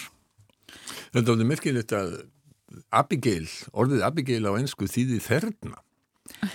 Já, það vissi ég ekki, það er, það er, það er, það er áhugaverð staðrind en já. hún já, ber þetta, ber þetta nafnu þetta og var sem sé gæt, uh, rækja eftir sína sömu leiðist til, til, til uh, bandaríkina og til, uh, til Evrópu þannig að svona á myndum að myndum að dæma er hún nú ekki mjög hafæsk í, í, í, í útliti eða, eða, eða var mm. ljósærð og, og, og, og smávaksinn og skjanna kvít á, á, á hörund. Mm. en uh, þessi, þessi miklu öðviti hún var auðvitað mjög uh, langlýf og komst í frettinnar í uh, bandaríkunum árið 2017 þá fekk hún heila blóðfall orðin komin yfir, komin yfir nýrætt. Og og eh, skömmu eftir það þá, þá sem sé gerði, gerði hún tilröðin til þess að breyta erðaskrásinni sem að eh, hennar auðæfi áttu samkvæmt eh, fyrri erðaskrá að renna mikið til inn í, inn í uh, góðgerðafélög hennar og, og, og í, á ymsa inn í Ímis samtök. En uh, hún var þá uh, nýbúin að gifta sig, giftist talsvert yngri konu, Veroniku Gail Worth sem hafði áður verið engaritari hennar einhvers konar. Og þær uh, giftu sig þarna í uh, kringum þetta, þetta heila blóðfall og þá breytti gamla konan uh, erðaskrásinni til þess að, að, að eiginkonan myndi, myndi fá uh, umtalsverðan hlut af, af auðafum hennar eftir hennar dag. Það er ekki en, alveg á vonarvöl. Nei, en þá sem sé steig fram lögmaður gamla konunar og fór í mál og, og held í fram fyrir, fyrir dómi að að uh, Abigail væri ekki í, í, í uh, ástandi til þess, a, til þess að gera þessar miklu breytingar eftir heila blóðfallið á erðaskrásinni og jafnvel að eiginkonan Veronika væri að, væri að þvingana til þess á einhvern nátt og þetta varð margra ára domsmál þar sem að þar sem að uh, þau, þar sem að hjónin uh, Abigail og Veronika uh, öttu kappi við, við þennan, við þennan lögmann og endaði á því að hún fjekk ekki sem sé að breyta erðaskrásinni það var, það var dæmt að hún hefði ekki svona heilsufarslega getu til þess að, til þess að taka þessa ákverðun mm. en ég held nú að, að ekkjan Veronika fái, fái líklega eitthvað fyrir sinn snúð samt sem áður. En hún sem sé Abigail uh, lést núna og hún fær sannarlega uh, útför sem, a, sem að hæfir uh, mannesku af, af konungsættum. Hún, hún verður lík hennar verður til sínis í, í gömlu konungsöllinni og, og síðan fær hún einhvers konar, einhvers konar já, nær konunglega útför sem er nú nokkuð nokkuð fátítt held ég í, í bandaríkunum Já, einmitt Takk fyrir að segja okkur frá síðustu prinsessu Hawaii og eins og þú nefndir að hann vera uh, sömur vilja segja síðustu prinsessu bandaríkjana. Það er kannski við hæfi að geta þess að Konstantín fyrir um gríkjakonungur það var tilkynnt um lát hans uh, nú á þessum módni. Akkurat, ræðum kannski um hann síðar aldrei að vita en takk fyrir í dag vera eitthvað tóttir.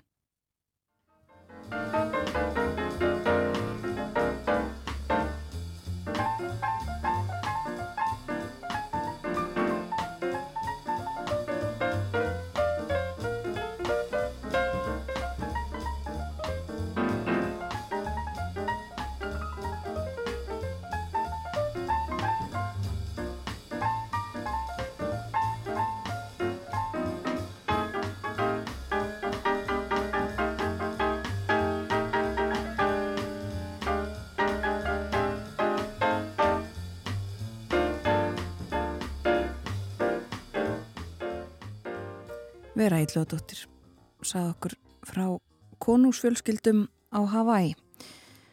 Hún er með okkur annan hvert miðugudag og segir okkur frá ímiskonar áhugaverðum hlutum og málum.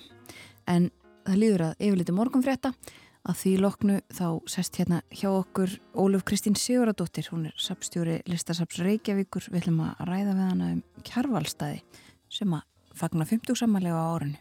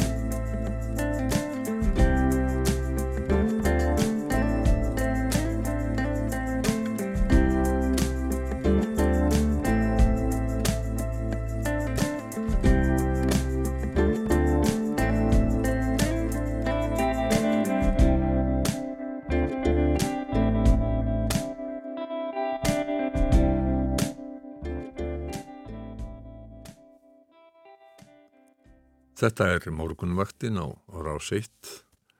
Til okkar er komin Óluf Kristín Sigurðardóttir, sapstjóri listasaps Reykjavíkur. Það verður haldið upp á það á þessu ári, það eru 50 ár frá því að kjærvalstæðir opnuðu formlega í mars 1973. Já. Velkomin til okkar á morgunvaktina. Takk. Við viljum að spjallu um kjærvalstæði. Um, verðum við ekki að byrja bara einmitt á þessu, sko það eru 50 ár liðin á, á þessu ári. Förum aðeins yfir sko aðdraðan að byggingu kjærvalstað Já, þannig sko borgastjórn ákvað e, í tilumna áttræðarsamali kjærvals e, 65 að það skildi byggt utanum hans verk. Listamenn hefur líka verið, þeir hefur átt að drepa og geta sínt verk sín og kynnt í listamannaskálanum sem var án ónýtur. Þeir höfðu verið í miklu svona, mikill söpnun, sapnaða félagisleska myndlistamanna og uh, þessi var síðan slegið saman. Það er að segja að það var byggt myndlistarhús á Miklatorki, nei Miklatúni mm. og það myndlistarhús var tvískipt, það voru tveir salir, annars vegar salur ætlaður kjarvalssýningum og hins vegar salur ætlaður myndlistamennum til sína sínverk. Síðan splind, hérna var sagt, borgaði borgin í rauninni myndlistamenn út úr þessu samstarfi og þetta þróaðist í þá átt sem það er í dag. Já, þannig að það er uh, tilefni af áttræðasamali Jónasar Kjarval sem ákveðið er að ráðast í þetta. Já, og fyrsta skoplustungan tekin ári síðar og húsið opnaði 1973 og tók átta ára byggja. Já, uh, og sko uh, áður en að eða sérst á í þessu ferli einhver staðar þá, þá ánafnaði kjærvalir það ekki Reykjavíkuborg líka. Sapna af einhverjum listaverkum og, og persónlegu munum eða gerðist það áður eða? Nei, það er inn í þessu ferli sko. það er bara, það er áður en að sapnið opnar. Hann, hann fellur frá 1972 mm. þannig að hann lifði það ekki að, að húsi var að opna Nei En þannig að það er ekki ástæða þess að ráðist var í bygginguna það að borgin hafði allt í hennu uh, verk frá honum sem var að koma fyrir einhver stað. Það var samt sem aður kvati. Já, já. já. En það var í rauninni sko það lengri saga sem að liggur að baki því að stopna listasafni nafni Reykjavíkuborgar því að um, bæði hafði áttiborgin fullt af verkum, fullt af fínum verkum, fullt af alls konar verkum sem að semst voru hér og þar aðgengileg fyrir almenning og, og, og, og já, en og svo hafði sko Ragnar Smára 1954 gefið borginni nokkur verk sem, sem ég, hans hugsa sem einhvers konar stopn að listasafni Reykjavíkur. Síðan var það einhvern veginn fældist svo hugmyndi eitthvað starf fyrir fólki mm og það var, varði rauninni aldrei sko, sko listasafn Reykjavík sem slíkt verður til úr kjarvalstöðum, úr ásmyndasafni sem reyndar er 40 ára, það er 40 ár síðan var sko, Já. fyrsta síningin var haldin í ásmyndasafni og síðan Hafnarhúsið sem bætist við árið 2000 en safni er svona orði til sem svona stjórnsýstilegt fyrirbæri verður ekki til fyrir árið 2002. Þannig að það er eitthvað sem að manni finnst alltaf hafa verið til, það er í rauninni bara bara 20 ára gammalt Já, sko það verður gammalt. til hægt og rólega Já. það verður í raunin, raunin er það til en Já. það er bara svona stjórnsýslilega mm. sko formgert mm. með þessari stoppskrá árið 2002 tvö, en það er notað sko, Lissab Reykjavíkur er notað á prenti 1989. Já. Svo er eitt, eh, sko, kjarvalstæðir hafa gengt ymsul hlutverki. Já. Ekki bara verið eh, svona, heimili listarinnar og kjarvals.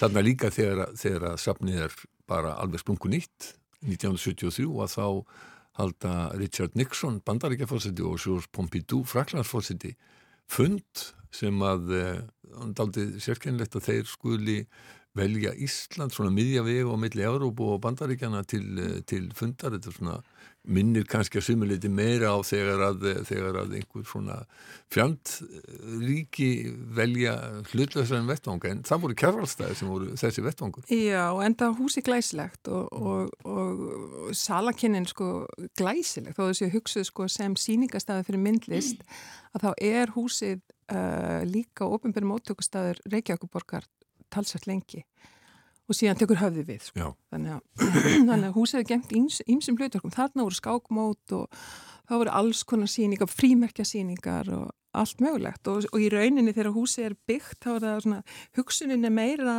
í þá átt að það sé sko það sé aðstæða til að sína myndlist en síðan þróast það í gegnum árin og það er sko 1984 í nýjum samþygt þegar nýja gera nýja samþygtir fyrir kjærlastæði það sem er skilgreint betur þetta hlutverk að sapna, varðveita, rannsaka og meðla. Þannig að þessi svona faglega stopnun, ef maður getur sagt sem svo, verður til svona á pappirum þó hann hafi verið að þróast í mörg, mörg, mörg ár. Þannig að sko hlutverkið hefur svona breyst á þessum 50 árum og, og skýrst. Já og sko ég held nú að hugmyndin hafa alltaf verið svo að, að húsið væri lifandi vettvangur lista í þessum fallega gardi sem var verið að móta þarna.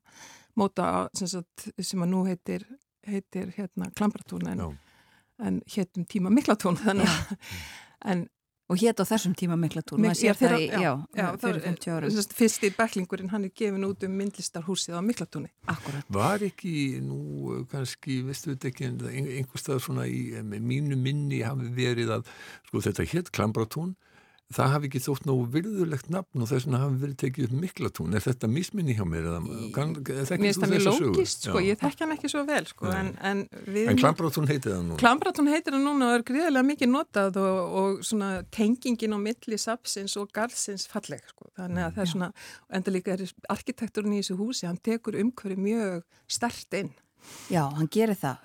Ræðum um það þegar þú segir um þetta sko, jú, það var alltaf meiningin að það erðu, erðu síningar þarna og, mm. og það talað um það sko kjarvalstaðir séu fyrsta byggingin á Íslandi sem var sérstaklega hönnuð fyrir myndlist. Já, þá eru náttúrulega hús sem að listamenn hafa reist sem að eru líka heimilegra og síningastæðir eins og Einars Jónsson er safni en, en kjarvalstæðir eru reisti sérstaklega til að sína myndlist og, og arkitekturinn ber þess merki. Og menn kannski hugsa ekki svo mikið um það þegar komin í þessa sal í dag að, að það er engin einasta súla í þessum sölum. Nei. allur burður í sölunum er á súlum sem eru fyrir utan síningasalina sjálfa.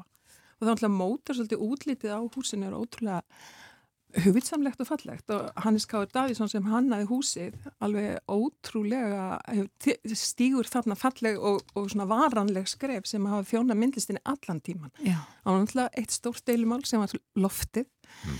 sem um tíma þótti ekki gott og það voru, ég minna það voru málaferli þar sem að sem sagt, menn sóttu það fast að taka niður þetta loft En ég held nú að tíminn hafi unni með loftinu en það hefur það gríðilega mikla funksjón þar sem að sko dagspyrtan kemur, það er ofanbyrta inn í salina Já. sem er náttúrulega hagstæð fyrir myndlistin allavega ákveðna tegund myndlistar uh, og en, en loftið kemur í vekk fyrir að það sagt, að beinbyrta, beindagslljós komi á verkin. Já. En svo annar staðar í, í rýminu mitt á milli þessara uh, tvekja stóru rýma, þar er mitt uh, eh, mjög mikil bein uh, dagspyrta, það ja. er ekkit nema glukkar eiginlega. Nei, og þú, þú skinnjar ekki munin á milli sko inni innra rým, eða þess að vera inni og þess að vera úti, það eru samskonar hellur, það er bara gler hérna, veggir á milli og mjög stundum ótrúlegt að vera í þessu húsi til dæmis í rikningu, þar sem að maður einhvern veginn svona skinnja svo maður upplifur svo það sem er að gerast fyrir utan á þess að verða svo mikið varfiða. Á þess að verða blöður. Á þess að verða blöður, já.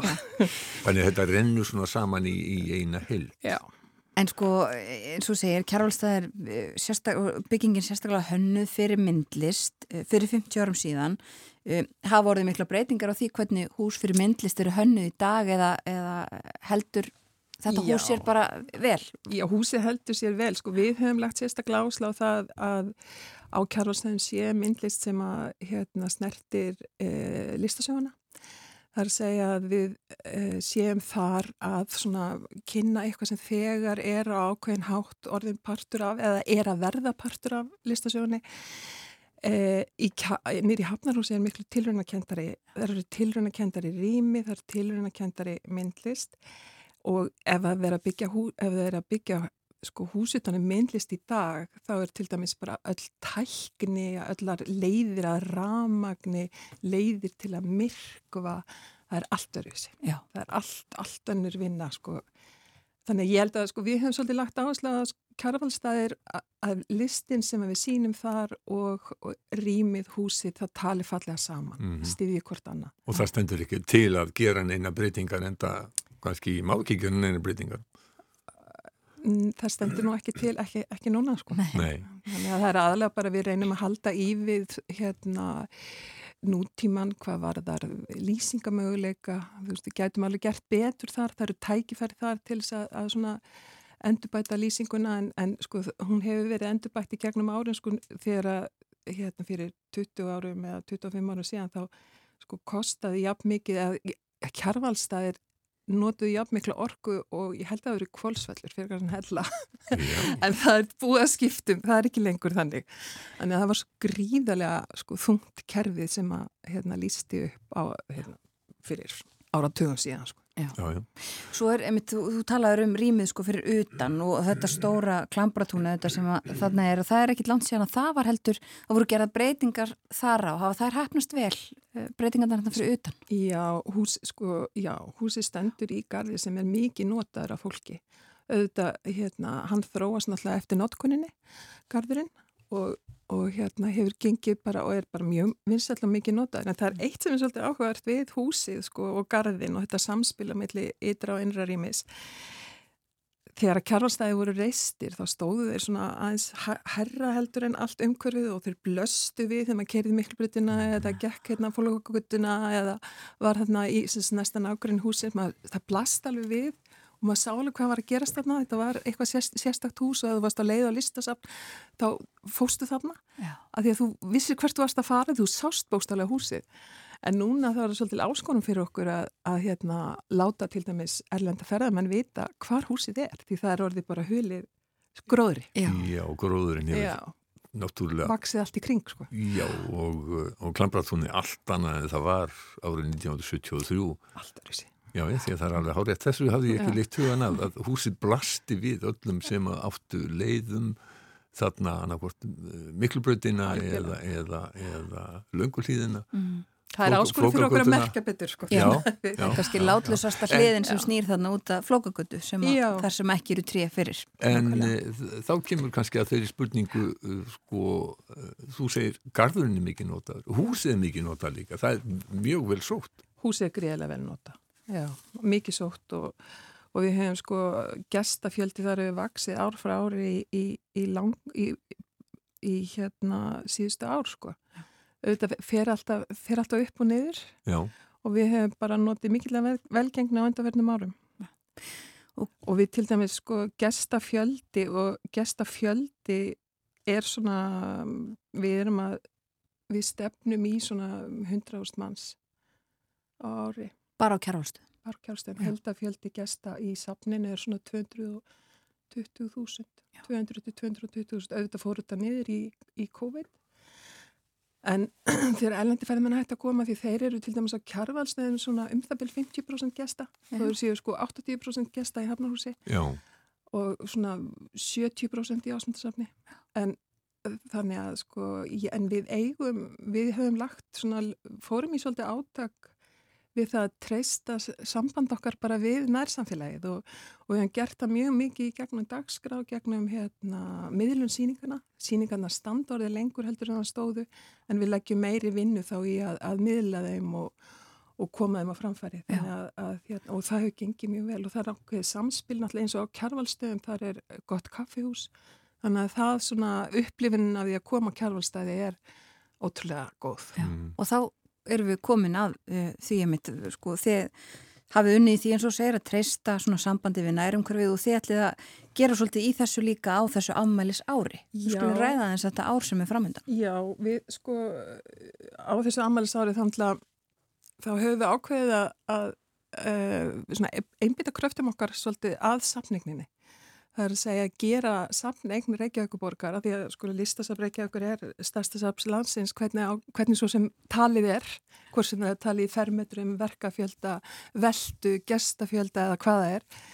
Og við hefum sagt, sá hluti starfseminar sem við viljum einbit okkur að á þessu ári er, er hérna safnkosturinn og bara sína reykvíkingum og gestum þeirra þau, þau verk sem að uh, Reykjavíkuborg á og eru mörg gríðagóð og við ætlum að gera rauðsýninga sem, sem undir heitinu Kviksjá þar sem við veitum svona Kviksjá inn í þessa, þessa samnegn og á kjárvalstegin verður opnuð á amalinu 24. mars, þá verður opnuð þar síning á verkum 20. aldaverkum í samnegninni síðan verður við með 21. aldina neyri í Hafnarhúsi verður líka með síningu á verkum eftir erlendalistamenni í samnegninni neyri í Hafnarhúsi og síðan ætlum við að vera með síningu í, sem við ætlum að opna menninganót þar sem við bjóðum öllum að velja verk. Það sem að við sem sagt starfsfólksapsins erum ekki að velja verk á síninguna heldur er það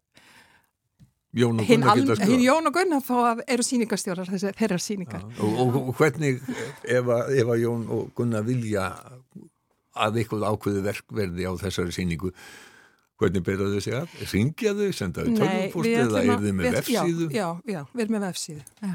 Og við erum raunar að vinna þetta í samstarfi við hérna, e, mannittindaskristóna Betri Reykjavík. Þannig að við finnum leiðir til að koma upplýsingum til, til fólks og síðan verður það áskorum fyrir okkur hvernig við still, stillum, komum þessu fyrir, hvort já. að við notum hérna okkar svona okkar, hvað ég var að segja, faglegu nálgun við það eða mm. hvort að við röðum eftir starði eða eftir vinsældum eða við hefum svona aðeins eftir að leysa það, svolítið eftir hver mm. potturum verður, en við stefnum að því að byrja þessa, þessa kostningu í mars. Já, og svo er það síning sem að, er það þá fyrsta síning svona afmælis ársins sem að er á, verður opnið á lögadag? Já, á lögadagin er við opna síningu sem heitir Rauðu þráður á verkum Hildar Hákonundóttur og við höldum þó að við séum þess að kviksjársýningar þá er það ekki engungu þær. Það eru aðrar síningar á síningardagsgráni uh, allt árið eins og DSL síningarnar sem við sínum svona yngri listamenn og síðan uh, yfirlsýningar á kjárlstöðum og, og rannsóknarsýningar og eins og þessi síning hér hérna, uh, sem heitir Rauðu þráður og er síning á verkum Hildar Hákonundóttur þá er það síning sem er afrakstur rannsóknar Sigurnar Ingur Hólstóttur sem er íbúin að sitja í, eða þess að var ráðin í rannsóknarstöðu við sapnið, rannsóknarstöðan sem hefur það mark með að, kyn, að eh, skoða hlut hvenna í íslenskri listasög. Já. Og þetta er svona þrjár og við fengum svona öndveistyrk og erum að vinna öndveistyrk frá sapnara og erum að vinna þetta með Háskóla Íslands og sjáum fram á að við getum unnið þrjár rannsóknir sem enda með þreymur síningum í ásprinn 23, 24, 25. Já, og það má geta þessa. Það verður rætt við Sjörún Ingur Hólstóttur í Viðsjá á morgun um einmitt uh, þennan þetta verkefni uh, og, og síninguna sem verður opnið á lögadag. Við segjum þetta gott í byli af uh, þessu spjalli okkar um kjærvalstæðum, listasafn Reykjavíkur raunar og, og söguna og framhaldið. Kærar þakkir fyrir að koma til okkar á morgunvaktina Ólaf Kristín Sjóradóttir og uh, til hamingi með þetta 50 ára afmæli. Takk fyrir. Og uh, við skulum leika eitt lag. Við ætliðum að leika það áðan þegar að Vera Íllóðdóttir var hérna með okkur. Uh, hún valdi það.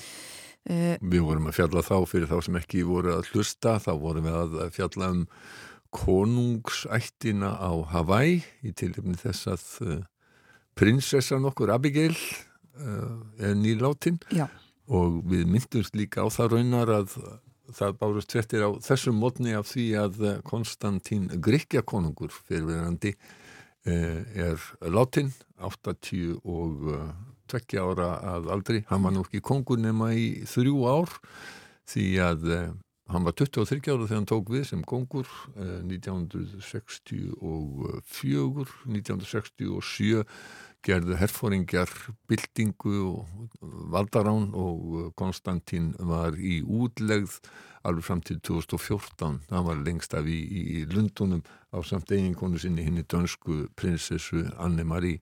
Þau voru mjög ung þegar þau giftist en hann er sem sagt látin en, en Hawaii ættin uh, hefur líka mist sína prinsessu. Já, og vera valdi lag með Johnny Cass Aloha og við heyrum, heyrum það núna.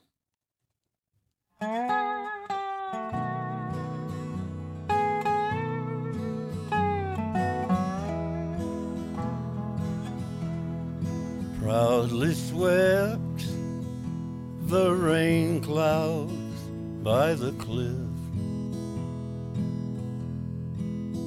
as on it glided through the trees, still following with glee Faleco. Iahi Lehuva of the valley. Hello, how, hello, how, Ikeona, ona noa, Ikoli, one fond embrace, ahoy, hey ah, hey ah until we meet again.